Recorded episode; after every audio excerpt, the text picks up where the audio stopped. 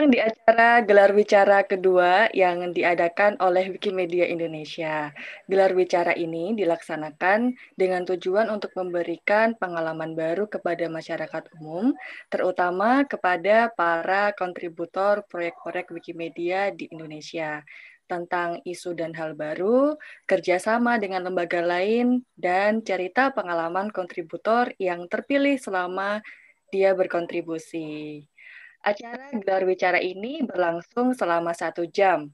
Pada sesi ini, kami menghadirkan narasumber yang sudah lama terlibat dalam dunia perwikipediaan. Perkenalkan, di sini telah hadir Pak Revo.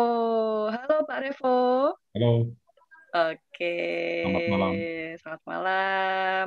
Pak Revo aktif menyunting sejak tahun 2003 dan kini sudah berkontribusi selama 17 tahun Pak, betul ya?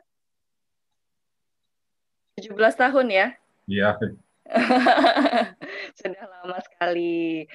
Revo juga merupakan pendiri Wikipedia Bahasa Indonesia dan Wikipedia Jawa juga loh. Dan bukan itu aja, Pak Revo juga merupakan salah satu pendiri Yayasan Wikimedia Indonesia. Bagaimana ceritanya? Simak gelar bicara ini ya.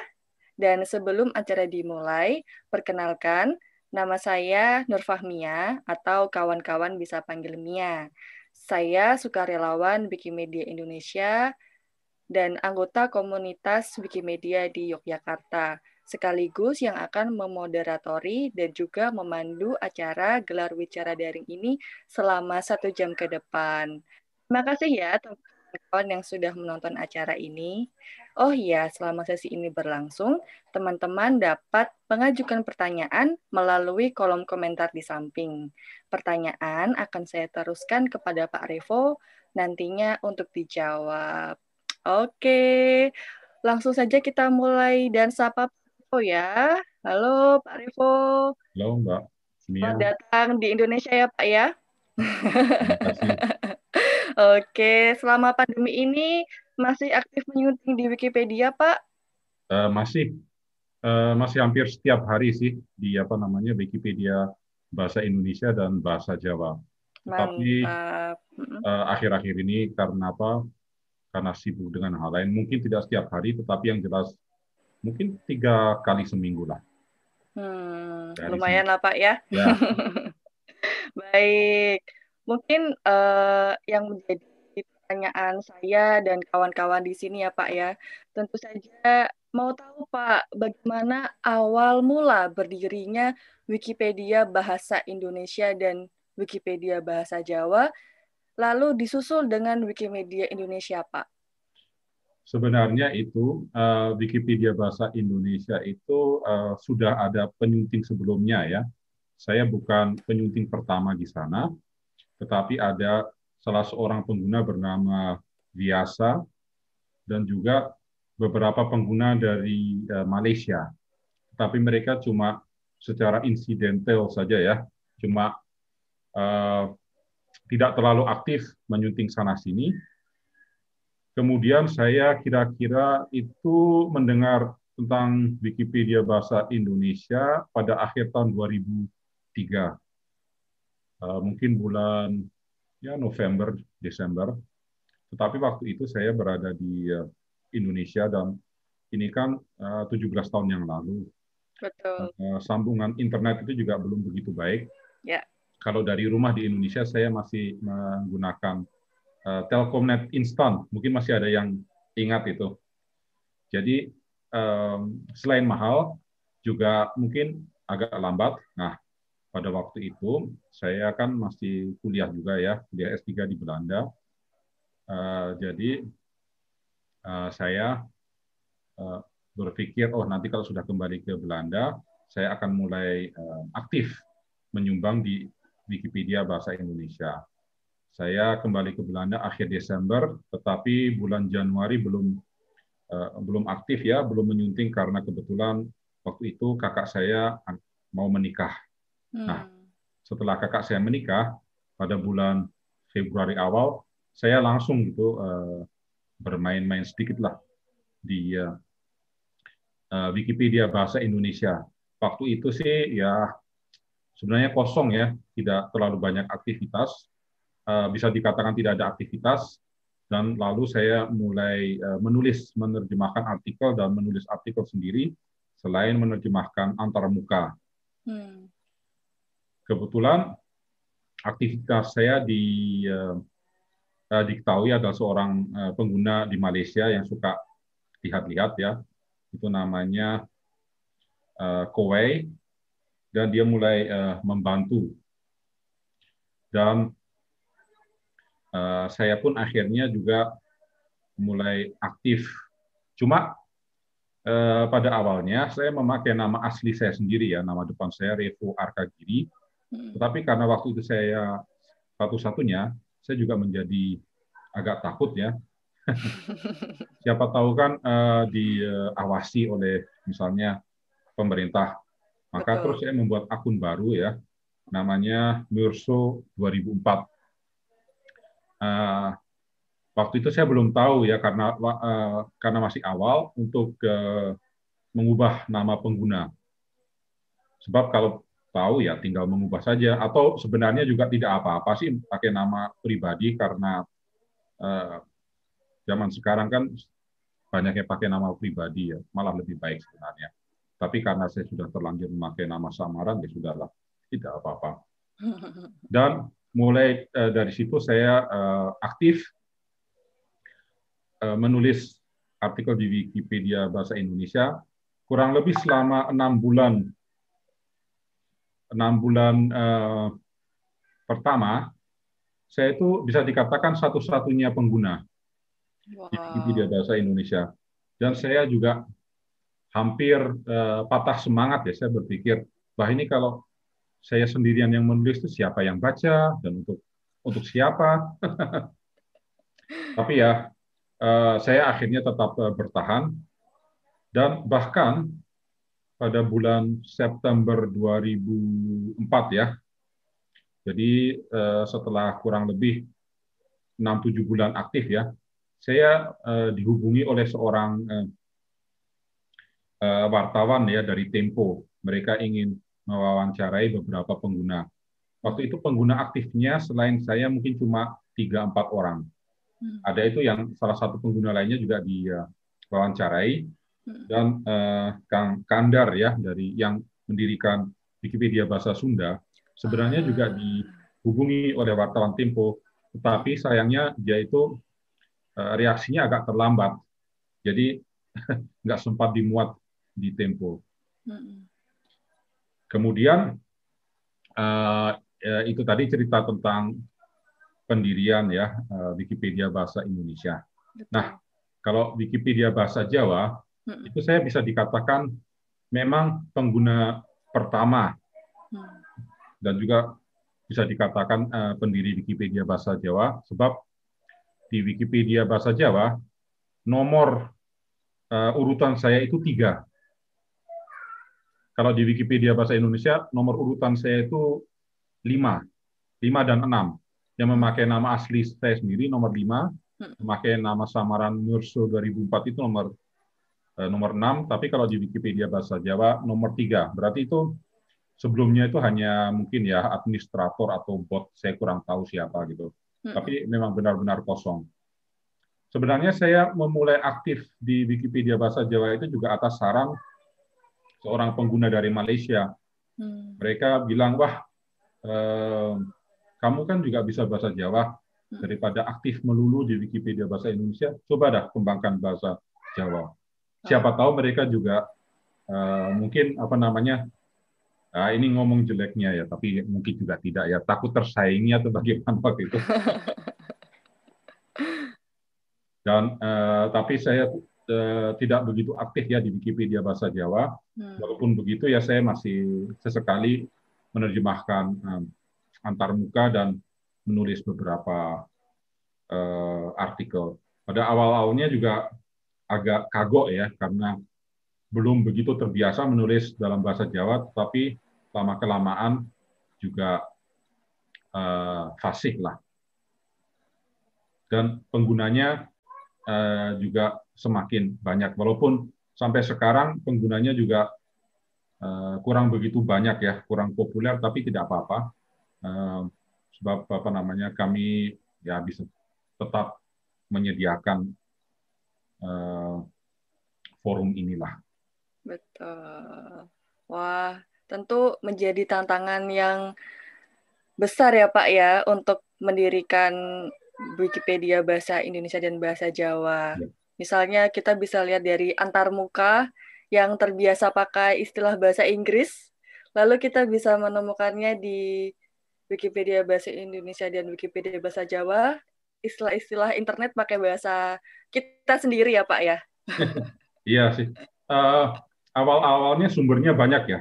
Uh -uh. Uh, uh, pada awalnya kan daftar terjemahan uh, resmi belum diterbitkan ya oleh uh, entah itu badan bahasa atau mungkin uh, waktu itu bernama Depkom Info ya sebelum berubah menjadi Kemkom Info.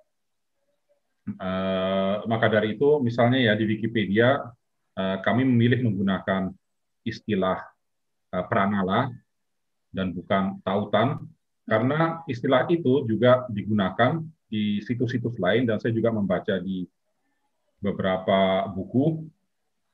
Uh, walaupun misalnya juga istilah seperti pautan atau tautan sudah ada yang menggunakan, tetapi alasan kami waktu itu ya kalau mau menggunakan istilah itu uh, harus indah terjemahannya.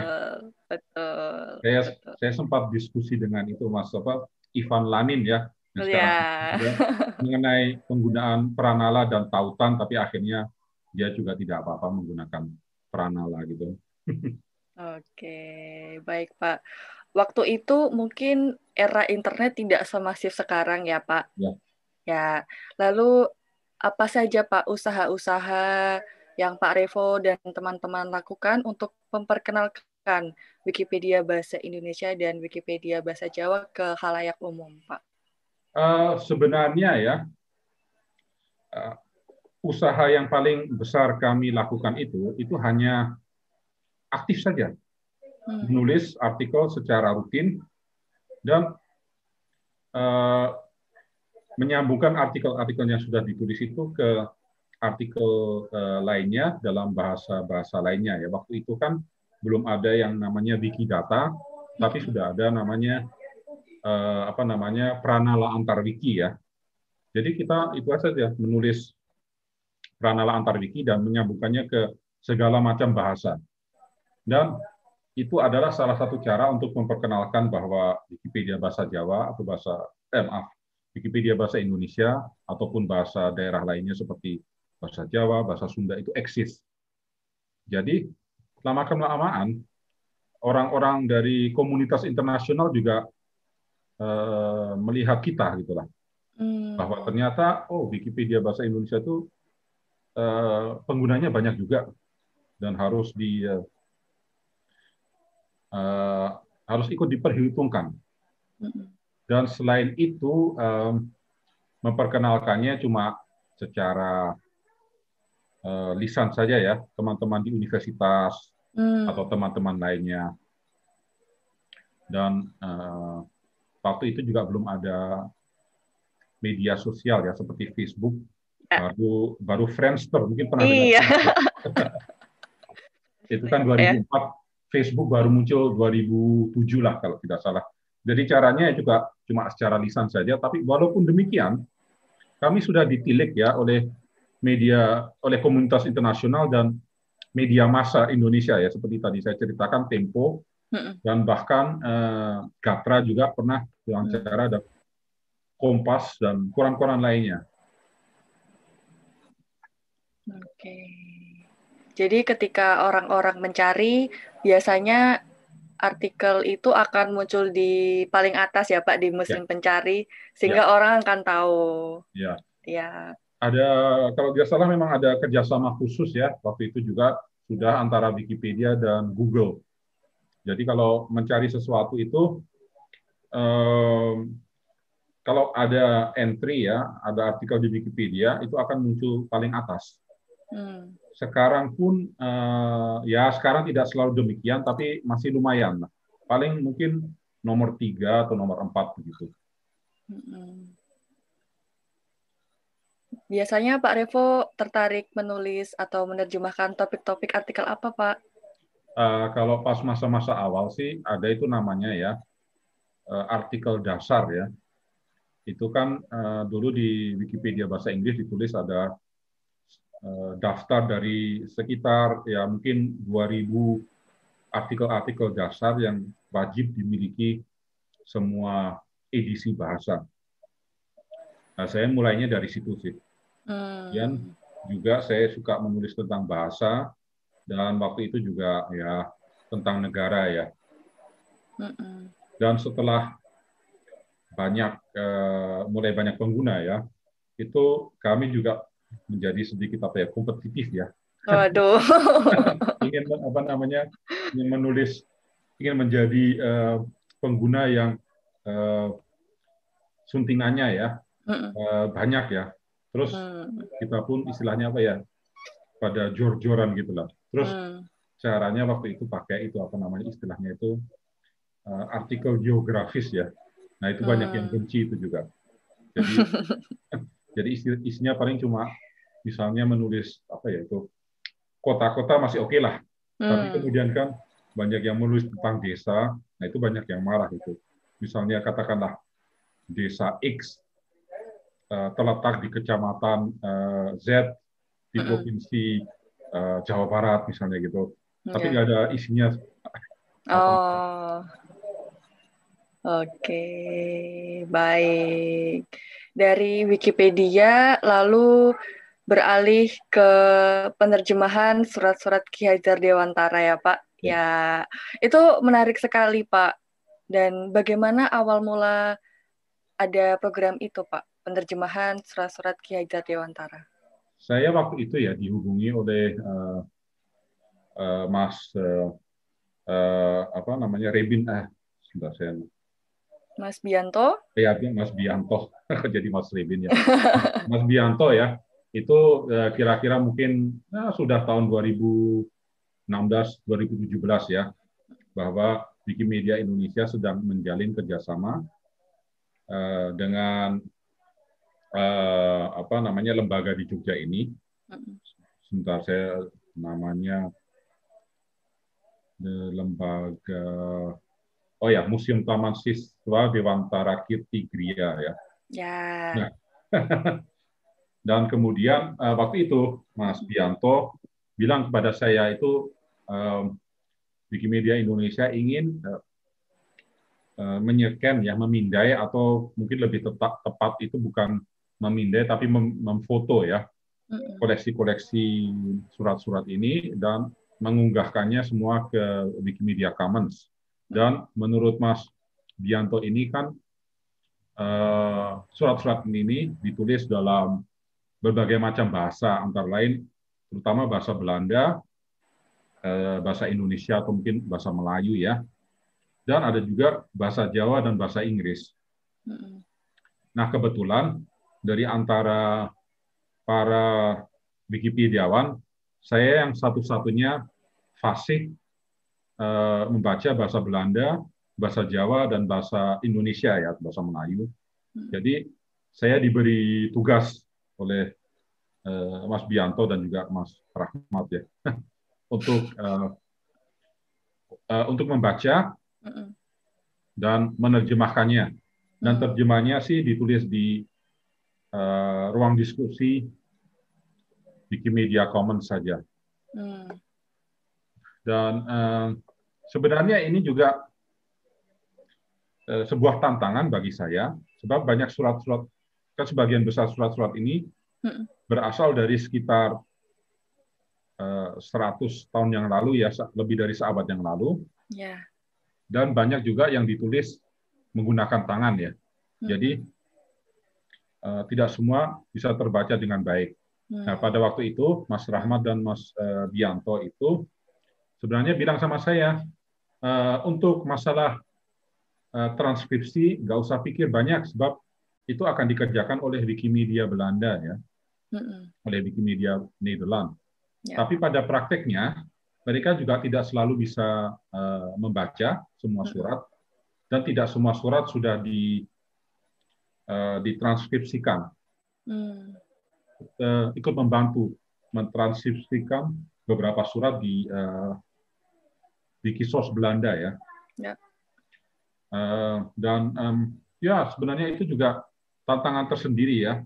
Kebetulan juga saya itu uh, kuliah uh, dulu ya apa namanya menyelesaikan S3 dan uh, topik saya kan filologi Nusantara. Hmm. Jadi memang sudah kebiasaan juga sih membaca naskah-naskah lama jadi juga ya cocok juga sebenarnya. Baik, Pak. Jadi menarik ya, Pak ya, menerjemahkan surat-surat Ki Hajar Dewantara ya, Pak? Ya. Oh, jelas.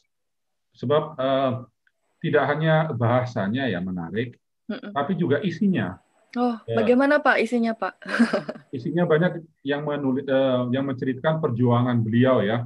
Mm Uh, kan dulu namanya kan uh, Suryadi Suryadi Ningrat ya, kalau salah itu. Beliau ini kan kurang lebih ya kalau yang saya baca dari surat-suratnya itu sebenarnya kan dulu pernah beraktivitas ya secara politik di Hindia Belanda ya di, di Jogja. Beliau sendiri berasal dari uh, Pakualaman. Nah, karena dia itu berasal dari Pakualaman, uh, Belanda itu agak segan ya menindaklanjutinya. Hmm. Akhirnya uh, setengahnya beliau kan dibuang ya ke Belanda, yeah. ke Den Haag dan di Den Haag uh, beliau ini bisa belajar lah menjadi uh, bisa kuliah menjadi seorang guru. Guru uh, guru SD dan uh, untuk uh, itu mendapat uh, sedikit beasiswa. Tapi selain itu beliau kan juga mendirikan biro pers ya. Biro pers uh, Indonesia Pers Bureau kalau tidak salah itu namanya. Dan Eh, mencari berita dan ingin menerbitkan menerbitkan uh, serial buku, tapi kelihatannya serial bukunya itu tidak tidak jadi atau mungkin hanya satu dua saja yang terbit itu. Kebetulan uh, rumah beliau itu saya tahu itu tempatnya tidak jauh dari uh, tempat tinggal saya di Belanda. Oh, baik. Di Den Haag dan dan kebetulan saya sendiri ya selain um, uh, studi uh, sastra atau filologi Jawa kuno ya, saya juga mengambil uh, kuliah menjadi guru guru uh, bahasa Jerman di Belanda. Jadi saya juga bisa meresapi apa yang di, dialami oleh uh, Pak Suryadi Suryadi Ningrat ini. Perjuangan beliau bagaimana itu uh, menulis untuk pers Biro Indonesianya dan juga menyelesaikan studinya. Hmm. Um, ya, jadi apa namanya? Beginilah secara singkat uh, perjuangan beliau dan dan setelah lulus ya menjadi guru ya guru SD, beliau kan disuruh pulang ke Indonesia hmm. dan atau pulang ke Hindia Belanda lah waktu itu namanya ya. Ya, India Belanda. Dan, uh, banyak menghadapi tantangan. Pertama kan uh, beliau harus mendirikan sekolah ya, taman siswa. Terus kurikulumnya apa, gitu juga ditulis di situ. Lalu uh, bagaimana dengan um, dengan guru-gurunya yang lain dan bagaimana dengan menggaji dan sebagainya dan dan akhirnya beliau itu juga ternyata konflik juga dengan pemerintahan kolonial hmm. karena masalah pajak. Jadi yeah. beliau itu tidak membayar pajak, tetapi saya kurang mengerti ya, mendalami itu apakah memang benar beliau itu lalai membayar pajak atau memang ini dijadikan alat ya oleh pemerintahan uh, Hindia Belanda untuk menekan uh, hmm. menekan beliau, menekan uh, Ki Hajar Dewantoro ini setelah beliau berganti nama. Hmm dan juga perjuangannya itu ya untuk uh, sebenarnya perjuangannya itu tidak untuk uh, uh, menuju ke kemerdekaan Indonesia secara harafiah, tetapi pertama-tama itu emansipasi ya. Jadi supaya orang-orang uh, Jawa waktu itu ya, sebab beliau itu kan uh, terutama kan memperjuangkan hak orang Jawa ya, bukan orang uh, Indonesia secara umum, untuk supaya mereka hak-haknya itu juga sama dengan orang Eropa. Yeah. Dan, dan juga di surat-suratnya banyak itu juga yang uh, korespondensi dengan uh, beberapa pahlawan lainnya seperti mm. uh, Setiabudi, Edward Dawes Dekker itu, dan ada juga surat-surat kepada atau dari uh, Bung Karno. Oh, Bung Karno juga ya Pak ketika ya. itu. Oh oke, okay. tapi surat-surat uh, yang Ki Hajar Dewantara tulis itu kebanyakan bahasa Belanda atau sudah pakai bahasa Melayu atau bagaimana Pak? Eh, mayoritas bahasa Belanda. Hmm. Ada yang bahasa Melayu tapi sedikit yang bahasa Melayu tidak uh, tidak saya jamah ya kan tidak tidak perlu hmm. karena bisa dibaca oleh uh, oleh apa namanya istilahnya oleh sukarelawan lainnya ya. Sebenarnya sukarelawan itu bukan uh, Eh, bukan kata yang tepat ya. Walaupun saya dianggap sukarelawan, saya juga mendapatkan sedikit apa bayaran ya. Jadi apa namanya? Tapi kalau dibilang pekerja eh, juga bukanlah. Nah, peneliti mungkin kata yang baik. Iya. Jadi apa namanya? jadi saya eh, dikhususkan untuk meneliti surat-surat yang berbahasa Belanda, hmm. ya berbahasa Jawa. Oh, ada juga yang berbahasa Jawa ya, Pak? Ada. Pakai aksara Jawa atau pakai ya, Latin? Dua-duanya. Oh. Ada yang pakai aksara Jawa, ada yang pakai aksara Latin. Baik. Tapi yang pemakai aksara Jawa tidak terlalu banyak sih, biasanya cuma sebagian saja. Tadi hmm. saya baru cari-cari, hmm. tapi uh, belum ketemu. Sebab saya telah menerjemahkan lah ya, uh, kurang lebih sekitar tiga uh, ratusan uh, surat Hebat. Dan yang memakai aksara Jawa itu mungkin cuma lima atau apa. Jadi hmm. Eh, nggak hmm. banyak. Baik. Membaca surat-surat seperti menjadi saksi riwayat hidup ya Pak ya? Ya. Akan-akan saya ikut mengalaminya. Ya. Wah, seperti membaca catatan harian ya Pak? Ya. Ya. Catatan sejarah. iya. Adakah koleksi surat yang menurut Bapak paling menarik atau yang paling berkesan ketika menerjemahkan surat-surat beliau? Itu uh, yang buat saya itu paling berkesan itu ya. Itu hmm. terutama surat-surat pribadi hmm. dari teman-teman beliau orang Belanda yang ditulis menggunakan uh, tangan ya. Jadi tidak diketik tapi menggunakan tangan biasanya isinya itu cukup intim dan hmm. uh, ada tantangan tersendiri untuk untuk menafsirkannya. Hmm. Nah itu itu yang sebenarnya paling saya sukai. Ini mungkin bisa saya kasih contoh ya. Ya, silakan uh, Pak. Ini akan saya share screen.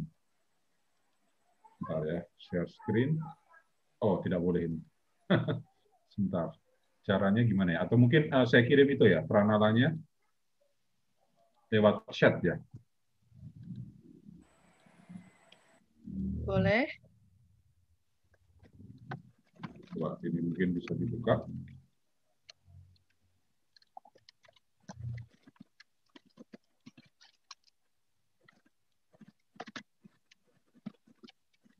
Dan ini kan surat dari uh, dari seorang teman, tetapi hmm. sayangnya tidak bisa terbaca. Iya. Tapi ini sangat, uh, nah ini surat-surat seperti ini menurut saya itu uh, menjadi apa? Menarik. Oh ini sudah bisa sekarang ya. Ya, silakan Pak. Nah ini. Bentar, ini Nah ini. Ini surat-surat ini kan apa? Wow. Ini ditulis dengan apa? Uh, dengan sebenarnya dengan rapi ya, tetapi itu tintanya itu sudah sedikit Meleleh, ya? ya. Jadi mungkin uh, membuat lubang ya di di kertas. Nah ini hmm. tantangan tersendiri, hmm. tetapi uh, kami ya atau mungkin kita ya sebenarnya ya. kan ditolong oleh Wikimedia Belanda juga. Walaupun demikian, eh, kami juga harus memeriksanya dan ini uh, hasil terjemahan saya. Hmm. Nanti bisa dibaca sendiri. Ya. Yeah. Ini ini dalam bahasa Belanda. Kalau yang bahasa Jawa saya juga tadi sudah menyiapkan sebentar ya.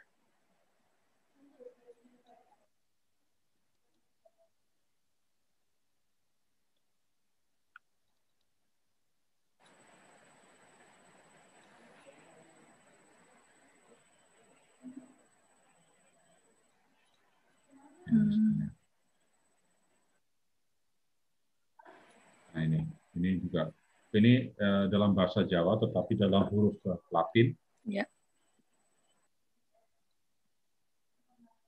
Dari seorang uh, guru kalau tidak salah ya, uh, Purwonegoro yang tidak bisa menghadiri upacara uh, pemberian penganugerahan ya, bintang Mahaputra. Hmm. Uh, mengapa beliau tidak bisa hadir ya mungkin itu bisa diselidiki apa karena memang sakit atau mungkin ada konflik ya. Saya tidak tahu. Bahasanya halus sekali ya Pak. Ya. Romo Inggil. Ya. Dan ini uh, ini juga bisa dibuat apa namanya dibuat bahan pelajaran ya untuk eh, anak-anak uh, zaman hmm. sekarang. Bisa meniru mungkin gaya bahasanya di sini. Iya Pak walaupun uh, saya harus uh, me, uh, memberikan uh, catatan ya bahwa uh, ejaan yang digunakan di sini itu uh, uh, tidak konsisten ya, tidak hmm. tidak selalu baik. Misalnya oh. ini kan menulis nyuwun nuwun awiosipun ini sebenarnya harus ditulis uh, y ya. Mm -mm. Dan ini ingkang sarang meniko ini seharusnya pakai a bukan pakai o pakai O. Kulon nyuwun. Ya. Persaben boten sakit datang.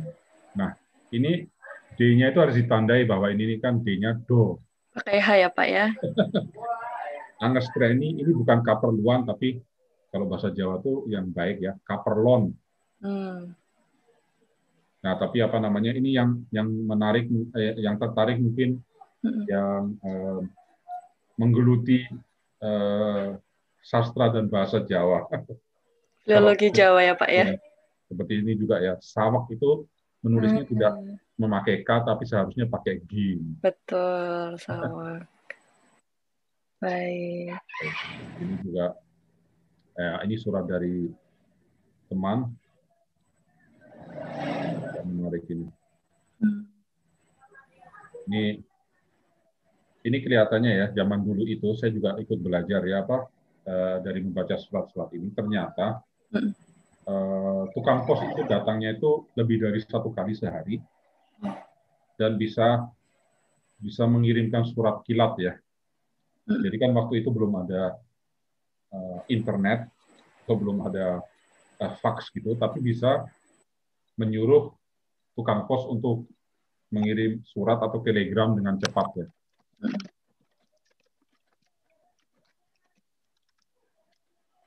Ini Jadi juga, bisa banyak ya Pak ya?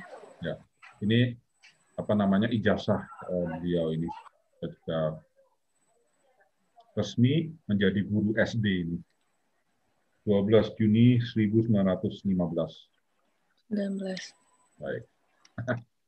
Oke. Okay. Saya uh, stop saja sudah ya. Oh, baik, Pak.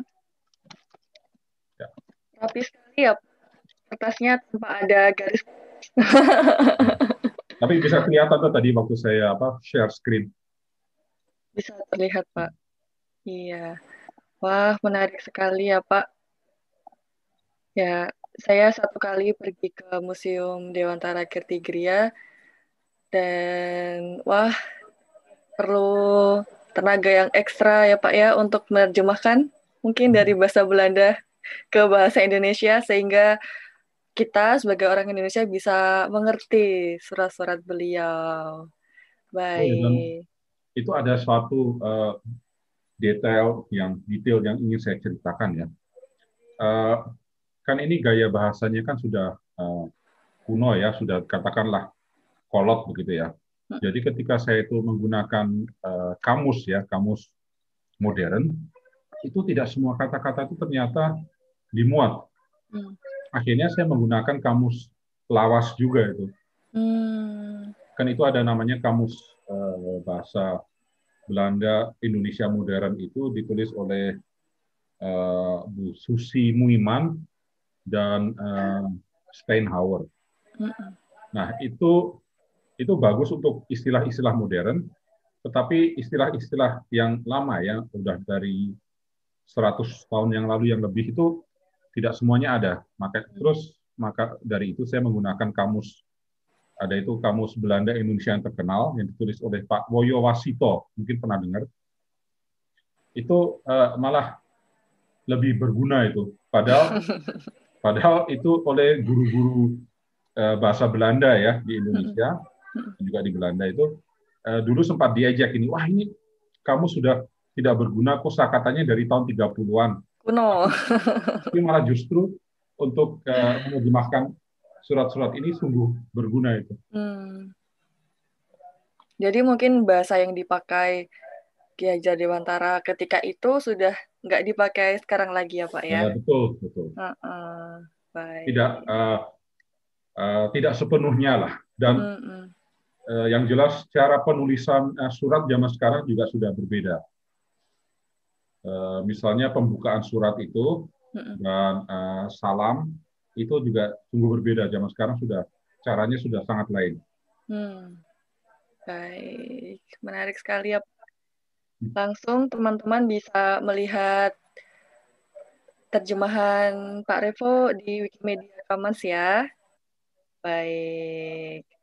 Lalu Pak, uh, mungkin ini salah satu program yang menarik ya Pak, selain menulis artikel di Wikipedia, ternyata kita juga bisa berkontribusi dalam menerjemahkan surat-surat pahlawan kita.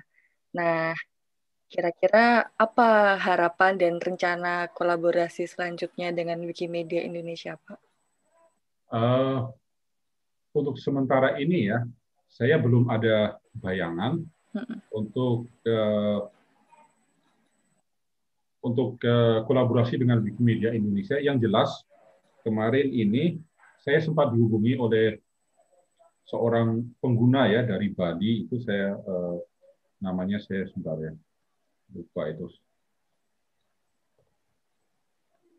Uh, namanya itu. Oh ya uh, Josephus.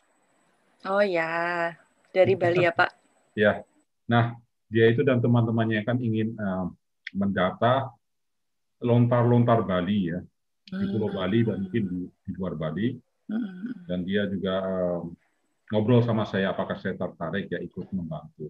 Hmm. Saya bilang ya tentu saja kalau sempat saya tertarik untuk membantunya.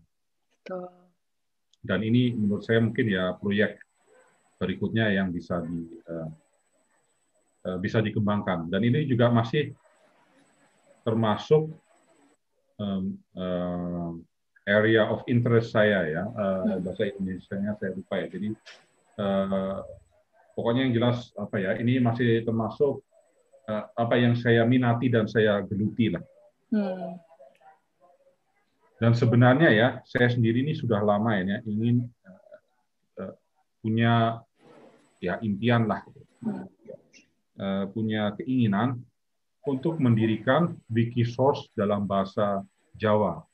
Oh. Sebab saya sendiri itu uh, punya bahan dan banyak sekali bahan ya dalam bahasa Jawa yang bisa dimasukkan ke Wikisource, terutama dalam bahasa Jawa ya. Jadi apa namanya? Uh, banyak naskah-naskah Jawa kuno dan juga publikasi dari zaman-zaman lama bisa dimasukkan ke sana. uh, pada saat ini itu ada situs web tertentu yang bernama sastra.org itu menarik juga dan isinya banyak sekali. Tetapi alangkah baiknya kalau uh, Wikimedia juga memiliki wiki source ya, jadi saling melengkapi. Sebab uh, skopnya ya, apa fokusnya itu kan berbeda ya. Kalau uh, wiki source itu bisa bisa uh, memberikan uh, sumber asli dan uh, dan bebas ya tidak ada hmm. tekanan tekanan politik atau tekanan uh, komersial. Dan hak cipta ya Pak ya. ya. Dan selain itu ya, uh, ada satu hal yang sering dilupakan orang. Wiki Source atau Wikimedia memiliki komunitas internasional. Mm -hmm. Jadi akhirnya yang uh, menggeluti tidak hanya orang-orang Indonesia saja, tetapi juga orang-orang luar Indonesia. Mungkin banyak orang Indonesia meremehkan hal ini Misalnya mereka mengatakan, ya ngapain? Eh, apa perlunya orang-orang luar negeri juga ikut-ikutan? Nah, perlunya banyak sekali. Jadi mereka bisa membantu, menolong dan uh, apa ya exposure-nya ya.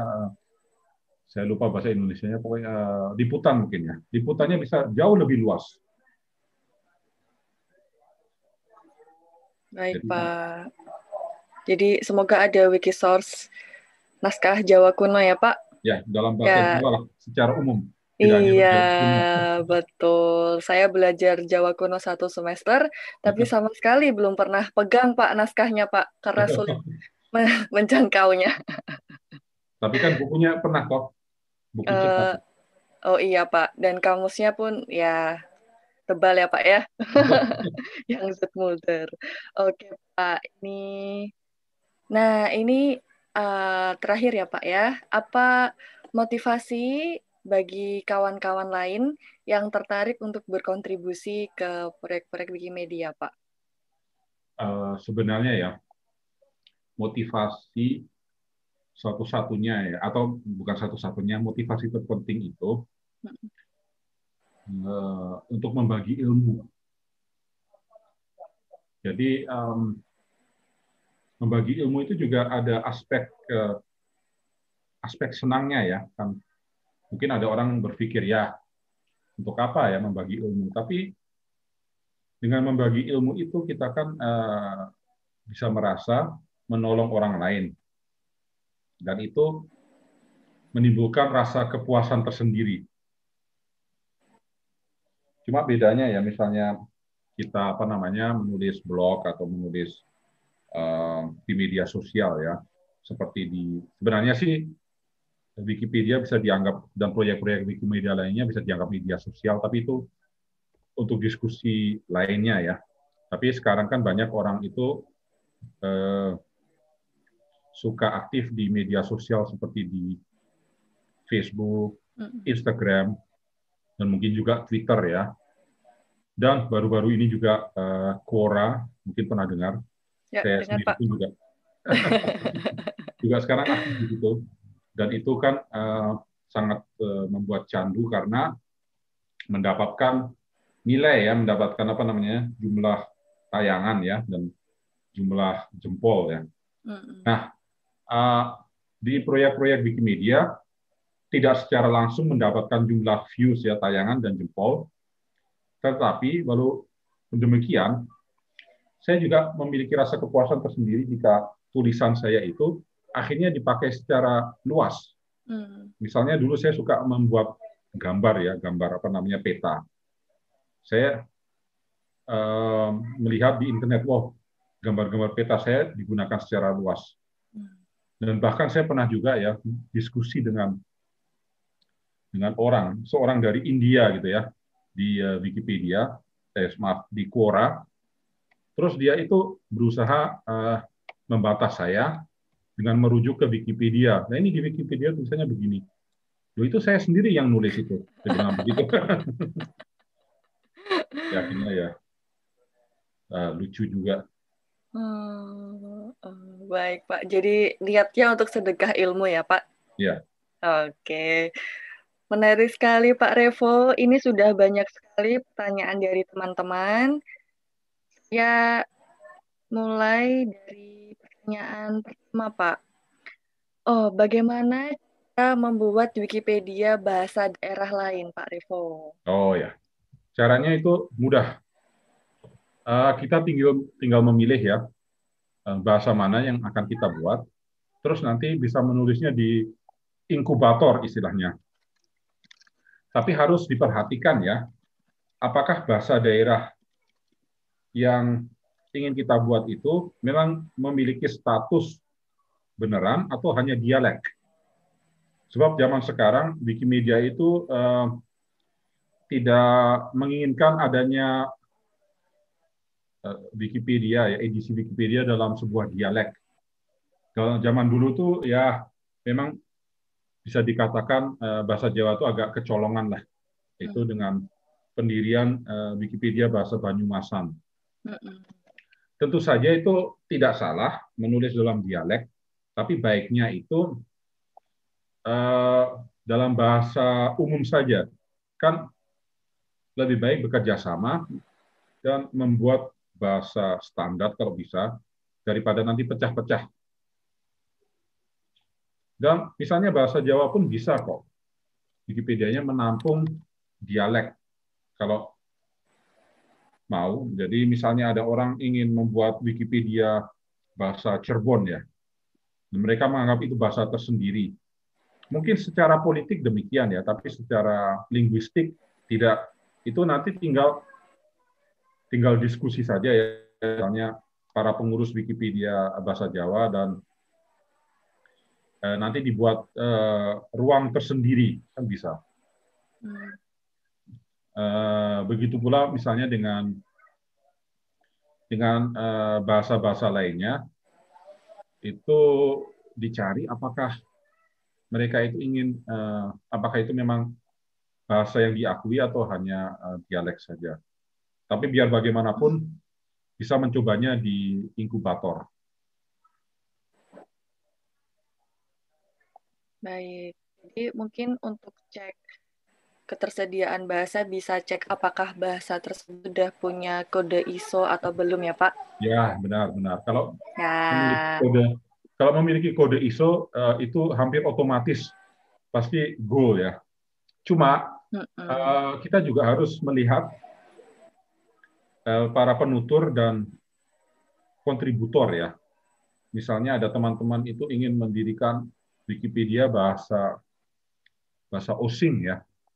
Sebenarnya bahasa Osing itu masih bisa dikatakan uh, dialek bahasa Jawa, tapi memiliki kode ISO tersendiri. Di sisi lain, saya itu juga sudah membaca di inkubator ya.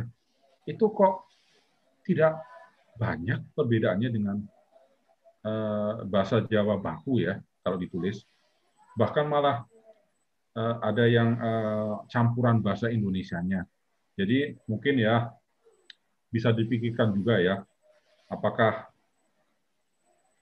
eh, apakah hal seperti ini akan diteruskan atau tidak begitu. Baik Pak, jadi pertanyaan tadi sudah terjawab ya Pak. Lalu pertanyaan kedua, ketika awal-awal menulis artikel di Wikipedia, Pak Revo banyak menerjemahkan artikel ya Pak? Ya. Itu mayoritas dari bahasa Belanda ke bahasa Indonesia atau bahasa Inggris ke bahasa Indonesia oh. atau bahasa lain, Pak? Mayoritas uh, tetap bahasa Inggris ke bahasa Indonesia. Memang ada yang dari hmm. bahasa Belanda ke Indonesia, tapi juga saya banyak menyalin dari dari buku ya, dari hmm. buku-buku gitu. Sebab uh, waktu itu juga Wikipedia bahasa Inggris juga belum begitu lengkap. Dan tapi eh, saya harus akui juga di Wikipedia bahasa Indonesia juga eh, informasinya juga eh, yang saya tulis juga masih eh, masih tidak terlalu lengkap. Tapi ya sejak seiring waktu sekarang kan sudah apa namanya sudah semakin lengkap. Walau demikian, walaupun Wikipedia bahasa Indonesia mungkin sudah 17 tahun ya, atau ada yang mengatakan 18 tahun, usianya, tetapi kok juga uh, masih belum satu juta artikel ya. jadi jadi kelihatannya itu uh, jumlah kontributornya itu uh, agak stagnan juga ya. Tapi tidak apa-apa, yang penting aktif ya dan kualitasnya terjaga. Baik. Sekarang juga masih banyak menerjemahkan artikel, Pak? Uh, iya, ya. Tapi kalau dulu ya, istilahnya kan suka kerja restoran ya. Tapi kalau sekarang hmm. menerjemahkannya saya tinggal itu aja sih, apa namanya, santai aja. Ya, misalnya saya ini oh. sekarang menerjemahkan satu artikel ya dari bahasa Inggris, artikelnya panjang sekali ya. Ya saya menerjemahkannya bisa berbulan-bulan sih. Hmm. Masalah. Kualitas ya Pak ya? Ya, itulah. Jadi yang penting semuanya ter, uh, bisa diterjemahkan ya. Sebab kan banyak juga orang yang mengeluh. Uh, saya ini dulu sering mendengar ya di antara para mahasiswa atau bahkan dulu kalau main ke uh, warung internet ya, itu banyak yang mahasiswa waktu itu saya pernah dengar ya cari-cari informasi, terus mendapatkan informasi di Wikipedia bahasa Indonesia. Mereka ada yang bilang wah jangan kurang lengkap pakai aja bahasa Inggris hmm.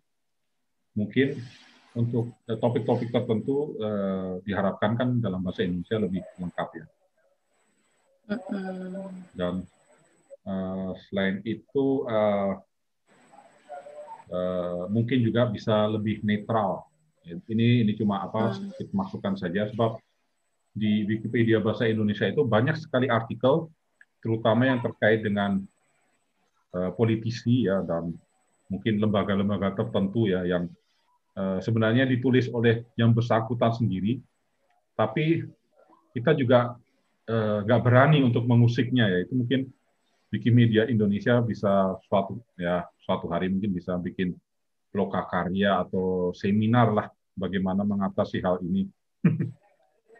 Iya, agak tidak berat sebelah ya Pak. Iya, kenapa?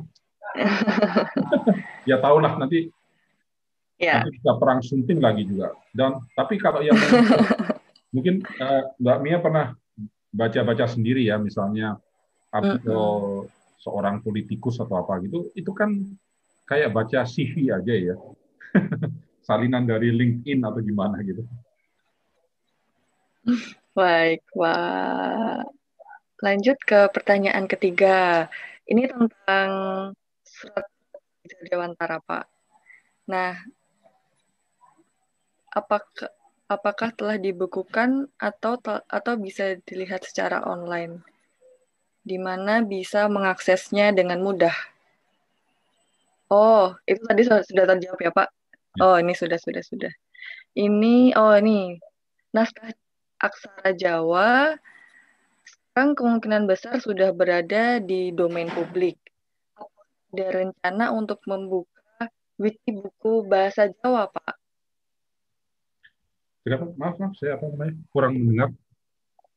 Ya, uh, sekarang sudah banyak naskah naskah-naskah zaman dulu hmm. yang beraksara Jawa yang sudah ada domain publiknya. Ya. Apakah ada rencana untuk membuka wiki buku bahasa Jawa? Ya.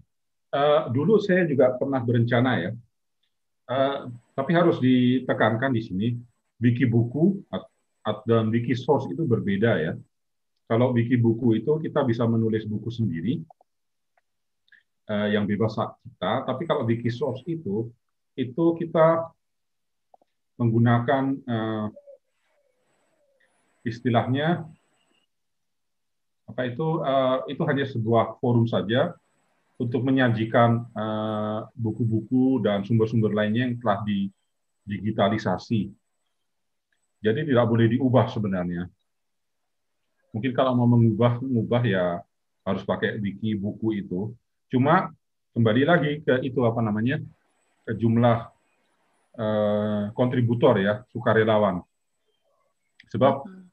sekarang Wikimedia Foundation kan menuntut harus minimal ya lima orang yang aktif. Kalau kurang dari itu kan mereka eh, nggak mau nanti apa namanya jadi terlantar dan kalau terlantar itu kan menjadi sarang apa vandalisme ya.